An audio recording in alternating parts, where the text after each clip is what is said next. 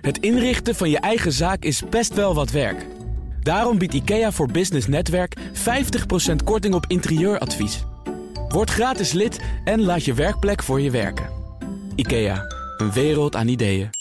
Wirecard-schandaal. En ABN AMRO trekt zich als zakenbank terug uit alle niet-Europese activiteiten. We gaan het allemaal bespreken in het boardroompanel... met Anton Wiggers, bedrijvendokter en partner bij Themis Company... en Paul Koster, directeur van de VEB. Welkom, Dank. allebei.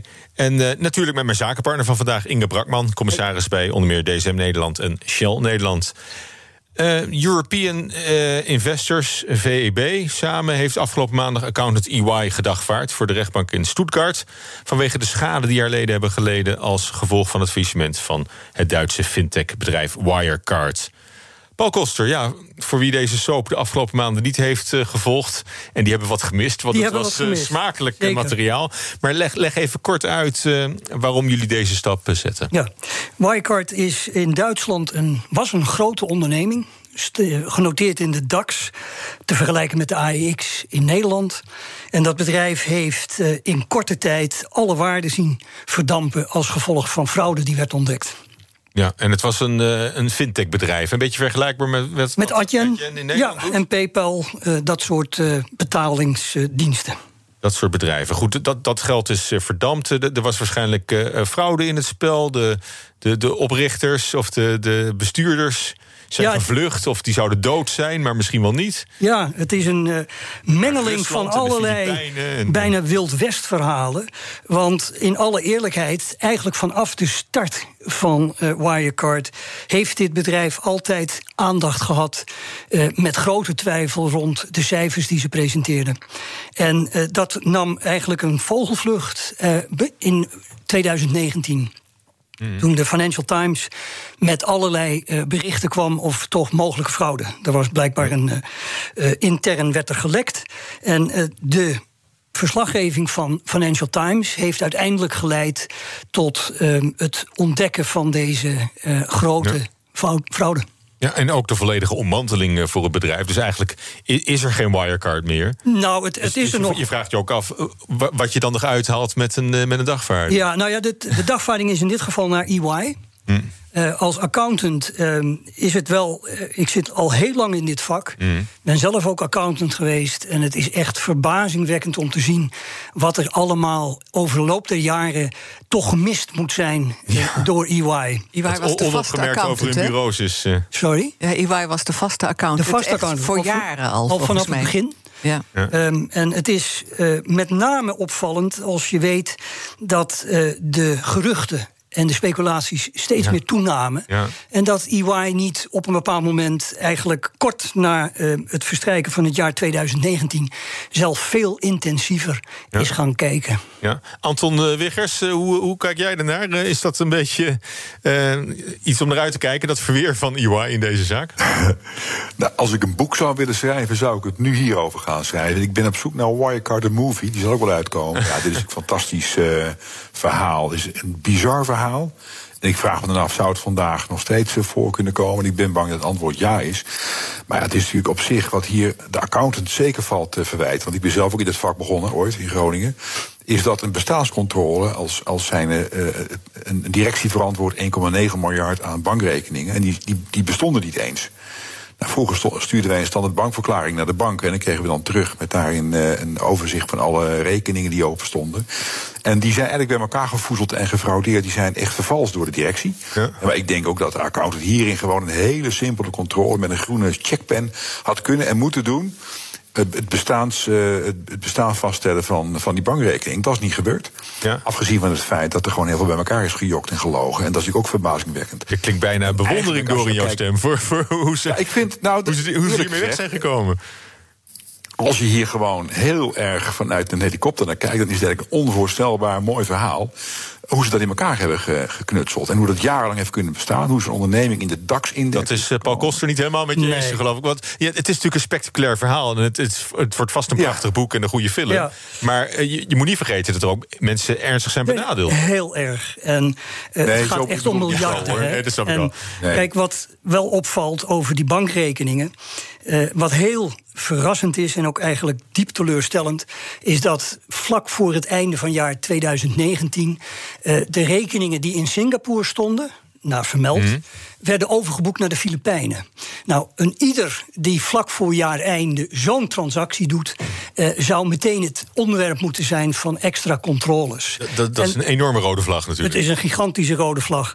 En daar ja. komt ook eigenlijk de verbazing dat EY niet uh, precies waar uh, Anton op wijst. Uh, in Parmalat hebben we namelijk eenzelfde incident hm. gehad. Dat er ook bevestigingen van banken werden verstuurd door het bedrijf zelf. Dat is ook niet de manier waarop je het hm. moet doen. Maar als accountant krijg je echt bij de eerste les dat het makkelijkste op de balans is de kascontrole. Mm. zeker in Europa, als je gewoon bij de banken een bevestiging opvraagt. En dat je dan dit zo ziet. Waarbij ook nog mag worden opgemerkt dat in de Filipijnen de governor van de centrale bank zei dat geld is nooit binnengekomen.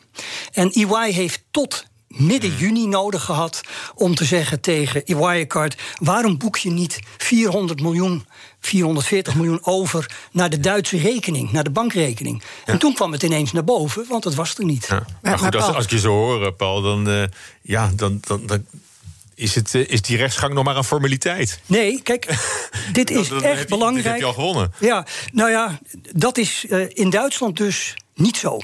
En daarom is het zo belangrijk dat we dit. waarom? Nou, om in Duitsland uh, in feite een accountant te kunnen uh, vervolgen met schade, uh, die is beperkt normaal tot 4 miljoen maximaal. Maar een accountant waar je opzet kan bewijzen dat de accountant echt bewust heeft meegewerkt, dan is het uh, schade veel hoger. Mm Die je kan verhalen. En, dat wordt nog wel lastig? En dat wordt dus lastig. Dan gewoon zitten slapen. Dan want het is in Duitsland heel ongebruikelijk. Dus wat ons echt is opgevallen, is dat de bescherming van de belegger in Duitsland aanzienlijk zwakker is dan in Nederland. Mhm. Dat is wel goed, goed nieuws voor Nederland. Wat hebben jullie, want je komt nu bij de accountant uit. Best lastig hè, als je, als je de schade wil hebben om, om, om via de accountant eigenlijk nog geld terug te halen. Um, jullie hebben ook in, in, in november 2019 gehoord, eigenlijk, of het, het New York Times-artikel eh, gelezen natuurlijk. Zijn jullie, wat hebben jullie als, als eerste gedaan? Je, je, je krijgt dat mee, je nou hebt ja, te verdedigen. Je hebt een bepaalde procedure te volgen. En het eerste is natuurlijk dat je de accountant aanschrijft en de onderneming. Ja. En uh, de onderneming, uh, daar kregen wij een hele vlakke reactie, maar puur op technicalities van de advocaat. en toen kwam COVID. En toen viel het dus stil. Uh, maar waar het hier echt om gaat, is dat, uh, gelet op het feit dat de onderneming jarenlang het onderwerp was van speculatie. Op 28 april, dat was een dag na de mm uh, publicatie van het rapport van KPMG. Die hebben een speciaal onderzoek gedaan.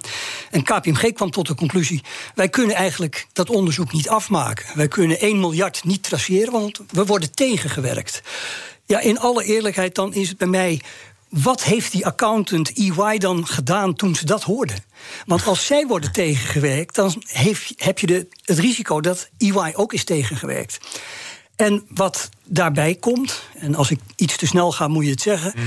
Maar EY heeft vijf engagement partners gehad in vijf jaar op de rekeningen, op de jaarrekeningcontrole van uh, Wirecard. Nou, het is heel ongebruikelijk om een partner, een engagement partner, de lead partner, mhm. zo te, uh, om het zo te zeggen, van een opdracht af te halen. Maar dat kan gebeuren. Maar vijf keer uh, in vijf jaar is natuurlijk is absurd. Absoluut een alarmsignaal. Maar goed, maar nog geen gelopen race. Even nee, goed. zeker niet. Dat, zeker begrijp ik.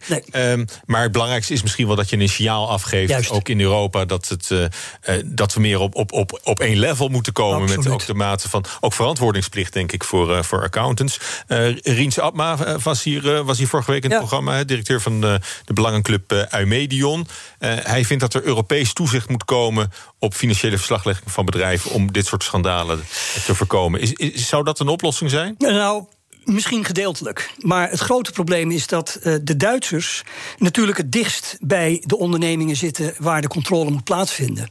En uh, in principe uh, heeft Duitsland ook voldoende personeel in dienst Hmm. om hele goede controles te doen. Het zou kunnen helpen als ESMA een zekere sturende rol krijgt. Maar om het helemaal over te dragen eh, is een hele grote stap die echt eh, dan in heel Europa zou moeten worden genomen. Ja, Anton Wiggers, is, is, dat, een, eh, is dat een weg die, die, die we op kunnen? Dat, dat, eh, gaat het ergens toe leiden? Nou, ik, ik denk ook dat hier Ernst Jong nog wat meer wat te verwijten valt. Als je het hebt over het KPMG-rapport. Volgens mij heeft de CEO van de onderneming nog verklaard in april.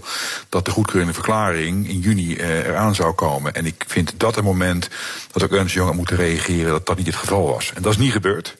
En denk dat ze er echt zeker kwalijk zal worden genomen. En, eh, Nou, dat is ook precies het punt waar wij op aanslaan. Eh, In onze Ja. eh, dagvaarding hebben we dat punt nou juist naar voren gehaald. Ja. Omdat in Nederland. En dan zie je dus ook Mm. dat het in Nederland toch iets beter is geregeld. Heeft een accountant spreekplicht. Op het moment Ja. dat een cliënt iets zegt wat niet waar is over de controle, moet de accountant eh, naar buiten komen met een mededeling: dit is niet correct. Mm. Je kan ook nog één verdieping hoger denken natuurlijk. En dat je naar de financiële toezichthouder gaat. En zegt van, eh, eh, niet de accountant, maar de toezichthouder... had dit ook al lang Ja. moeten kunnen. Nou, die hebben zien, wij- hebben de AV AFM, in Duitsland heb je de BaFin. Eh, waarom staat die niet voor de rechter? Nou, dat is één. Dat is heel moeilijk. Het is in Nederland ook niet echt makkelijk om de toezichthouders voor de rechter te krijgen. Dat is ook nog een punt van discussie waard, eh, als ik dat mag eh, zeggen. Ja, met zulke proporties, zo'n schandaal. Nou ja, Bavin heeft echt op een hele vreemde manier geopereerd. En dat is echt storend geweest, omdat Bavin in april, op het moment dat er heel veel speculatie was in de markt, krijg je shortselling. Dus dat er aandelen worden verkocht door aandeelhouders die zeggen: Nou, ik koop ze later wel goedkoper ook, terug. ook een rode vlag. Ook een rode vlag. ja. Daar heeft Bavin op een bepaald moment van gezegd: dat mag niet meer. Wij vermoeden dat er opzet is in het spel en dat eh, de stok wordt gemanipuleerd, het aandeel. En die hebben daarmee in feite de shortselling verboden. Nu zegt Bavin, ja, maar dat hebben we gevraagd aan ESMA of dat mocht. Maar ESMA zegt alleen maar, ja, je kunt dat zelf bepalen. En eigenlijk toont Bavin daarmee, en ook naar de buitenwereld... we hebben eigenlijk wel vertrouwen in die onderneming... want wij steunen de onderneming om shortselling even te verbieden. En daarmee hebben wij ook eh, Bavin aangeschreven... en eh, hopen wij in gesprek te komen met Bavin op dit punt.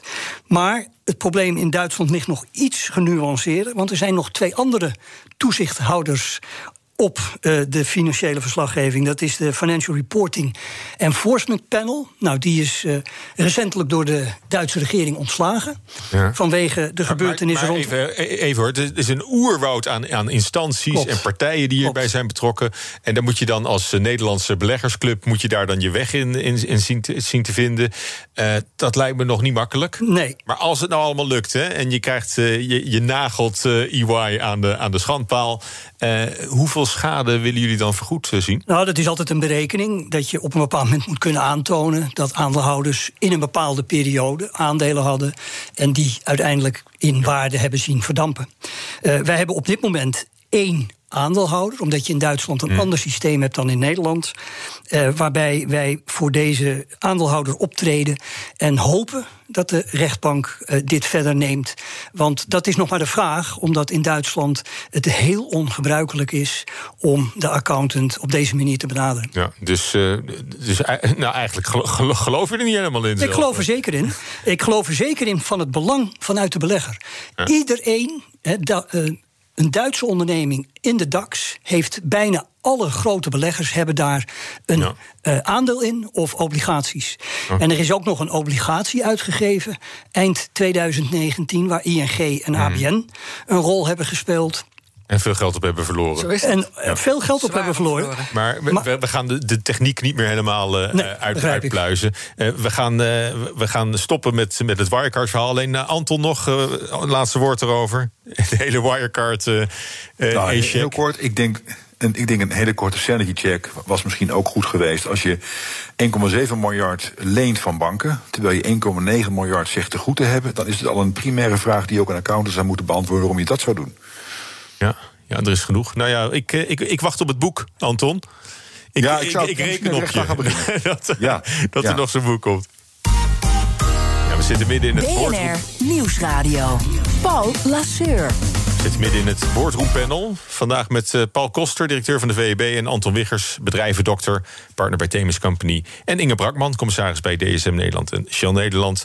Uh, we gaan praten over ABN AMRO, want die uh, kwam met, uh, met cijfers, die waren niet best. Gaat zijn zakelijke activiteiten buiten Europa afstoten, meldde de bank gisteren. Uh, we spraken toen ook met Chris de Groot van werving en selectiebureau Financial Assets. En die zei daar het volgende over. Je moet je nooit als land uitleveren aan buitenlandse investmentbanken. En ik denk dat wij ons als Nederlander ook moeten schamen gewoon. Dat als de HEMA gered moet worden, dat we dan de buitenlandse investmentbank Lazare in, in, in schakelen. Ja, een gloedvol betoog gisteren van, uh, van Chris de Groot... voor het behoud van een sterke Nederlandse financiële uh, sector. Hij zegt eigenlijk, uh, we zetten ons buitenspel... als we ons afhankelijk maken van buitenlandse banken. Denken jullie daar ook zo over, Inge? Ehm, ja, boer, het is wel een complexere. Het is wel waar dat, dat als het uit het buitenland komt en het heeft um, uh, uh, grote namen zoals Lazar en uh, Morgan en zo, dan, mm. dan, nemen we ze ook weer serieuzer. Terwijl we het hier ook hebben. Maar bijvoorbeeld bij het naar de beurs brengen van ABN AMRO... heeft de staat expres ook um, gekeken naar de Nederlandse banken... Mm. om die daar ook in mee te laten lopen. Maar we, en, we en kijken dat, sneller dat naar de grote dat kan straks allemaal niet meer. Of kan je alleen nog maar bij ING terecht? Ja, nou, het is denk ik een heel interessant punt dat hij opbrengt. Um, om nou heel negatief over de buitenlandse investmentbanks te zijn, dat, daar zie ik geen reden toe. Maar het is natuurlijk heel jammer dat wij in Nederland ABN, die echt, uh, ik heb zelf een lange tijd in het buitenland gezeten, een fantastische naam had, dat dat gewoon voorbij is. -hmm. En uh, het is dus maar dat, zeker. dat was al jaren op zijn retour natuurlijk. Het was al jaren op zijn retour, maar het gaat nu wel heel hard. Hm.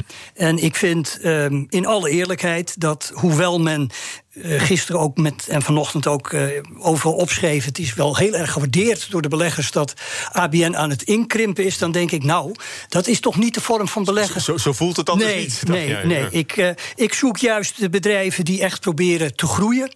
En die met ja. hele goede ideeën proberen de markt te veroveren. En het is nu bij Niet ABN, alleen maar door onderdelen afstoten, geld vrijmaken Exact. en aan de beleggers uitkeren. Ja. Exact, want daar schiet je eigenlijk niks mee op. Wij proberen toch duidelijk uh, de, keuze, de kant te kiezen van de bedrijven die een toekomst zoeken.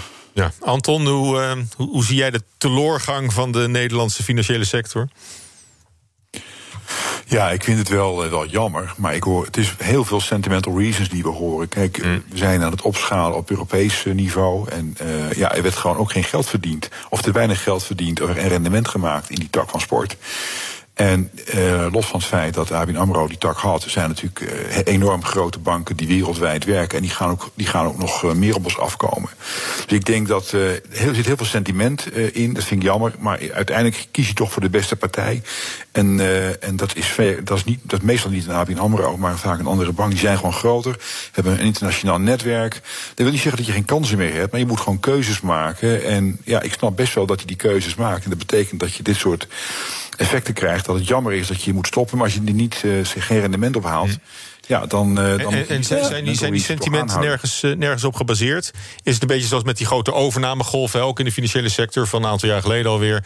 dat het allemaal prima was zolang Nederland, uh, Nederlandse bedrijven... buitenlandse bedrijven overnamen, maar andersom... Ja. voelen we ons altijd meteen ongemakkelijk. Ja, ik denk dat... Ja, het is ook... Ja, sorry. Ga je Anton? Nee, nee, Anton, Anton, gang. Ga je maar.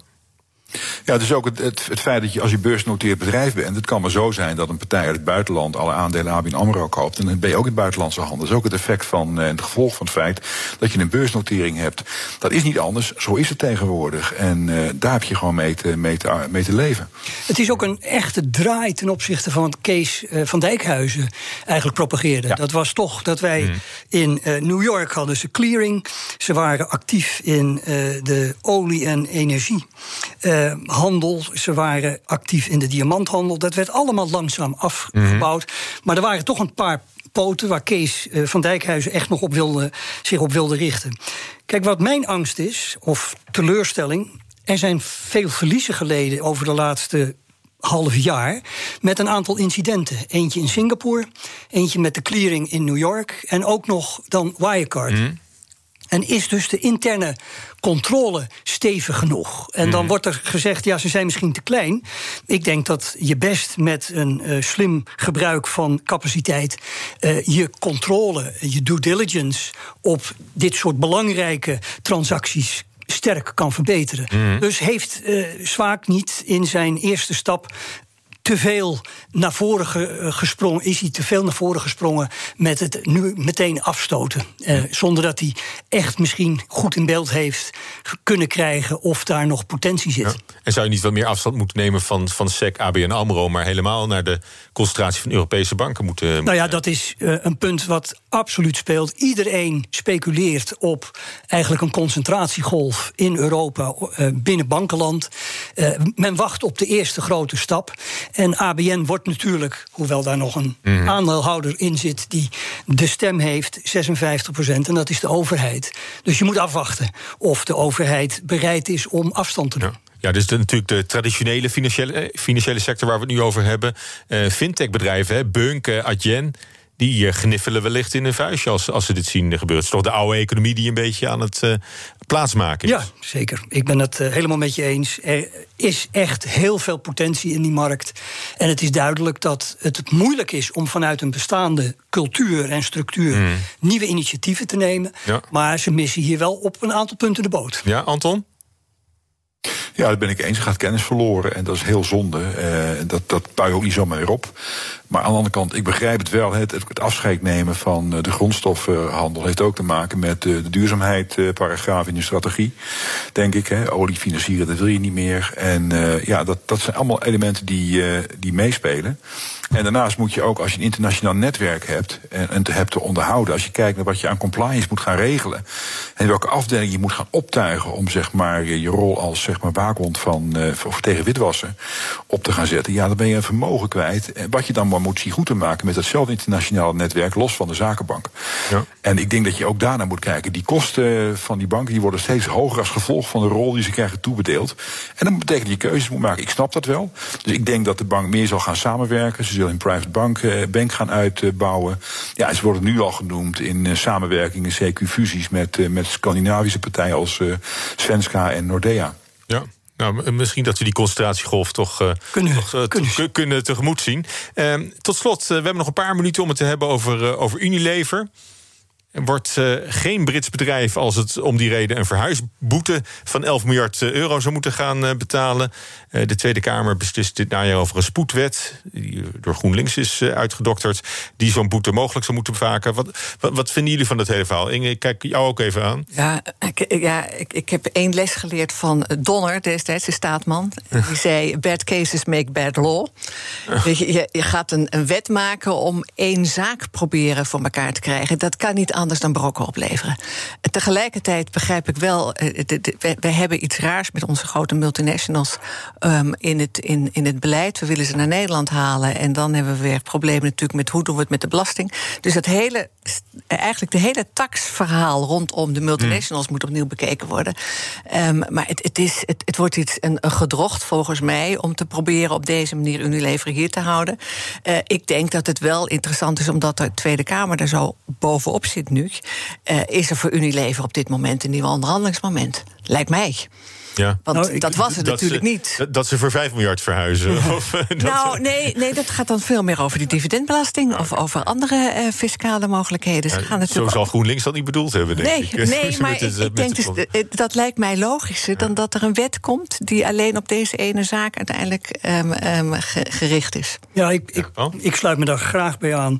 Ik wat ik echt storend vind, is met terugwerkende kracht. Je kunt niet een sfeer creëren waarbij bedrijven eigenlijk niet weten waar ze aan toe zijn. Want je hebt een beslissing genomen die publiekelijk slecht valt. En precies wat Ingrid zegt, wordt daar meteen even een wetje op losgelaten. Mm. Uh, dat is niet de manier van wetgeving die wij in Nederland uh, zo hoog hebben staan. En ook zoveel aandacht aan besteden. Dus moet je kijken wat zo'n boete zou doen voor het vestigingsklimaat in, in nou Nederland. Ja, dat, dat zo'n zo onbetrouwbare overheid. Ja, absoluut. En je bent, je bent helemaal niet. Die 11 miljard klinkt als winst, maar dat is echt verlies. Ja, op de lange termijn ja, is absoluut. dit. Uh... Je kunt niet op deze manier. Dat is nou juist de kracht van een vestigingsklimaat. Dat mm. je voorspelbaar bent en dat je maatregelen ja. neemt op. Ja. En als dat een gesprek is, precies wat Ingrid aangeeft, dat er nog breder gekeken moet worden naar de vestiging van grote bedrijven, internationale ja. bedrijven. Laten we dat dan oppakken. Maar niet op deze manier, met een eigenlijk uh, hele ja, gedraaide manier, oh, okay. iets bereiken. Anton, uh, jij ook niet doorgaan met die verhuisboete voor Unilever? Helemaal eens, ja. Ja. Dat, uh, nou ja, je mag wel iets meer zeggen. nou ja, ik ben het, ik ben, ik ben het met, uh, met de sprekers eens die een wet gaat wijzigen om zeg maar, iets af te gaan dwingen, dan uh, ben je in mijn ogen verkeerd bezig. Ik denk wel dat je kunt kijken wat je kunt doen om te zorgen dat ze toch uh, zouden kunnen blijven. Maar dat is een andere, dat is een ja, andere vraag. Ja. Om daar ja. de wet voor te moeten wijzigen, daar, daar kan en ik dat, En dat hoeft niet per se met de stok, dat kan ook nee, met de wortel. Exact. Hart, ik wil jullie hartelijk danken voor jullie bijdrage, want uh, de tijd zit er alweer op. Paul Koster was hier, directeur van de VEB. Anton Wiggers, bedrijvendokter, partner bij Themis Company. En mijn zakenpartner vandaag, Inge Brakman. Hartelijk dank, fijn dat je er was. Graag gedaan, leuk. Altijd leuk, commissaris bij DSM Nederland en Shell Nederland. Tot zover BNR Zaken doen voor vandaag. Door de coronamaatregelen moeten kunstgalerijen noodgedwongen hun deuren sluiten. Verkopers en kopers vonden snel onderdak bij Katawiki. Het Nederlandse veilingplatform kende daardoor een explosieve groei. Dus nog een bedrijf wat profiteert van de crisis. We praten er morgen over met commercieel directeur Frederik de Beer. Deze uitzending is terug te luisteren via de BNR-app en bnr.nl. En na de nieuwsupdate kunt u luisteren naar Newsroom... de dagelijkse podcast van het FD en BNR. Als ondernemer hoef je niet te besparen op je werkplek. Want IKEA voor Business Netwerk biedt korting op verschillende IKEA-producten. Word gratis lid en laat je werkplek voor je werken. IKEA, een wereld aan ideeën.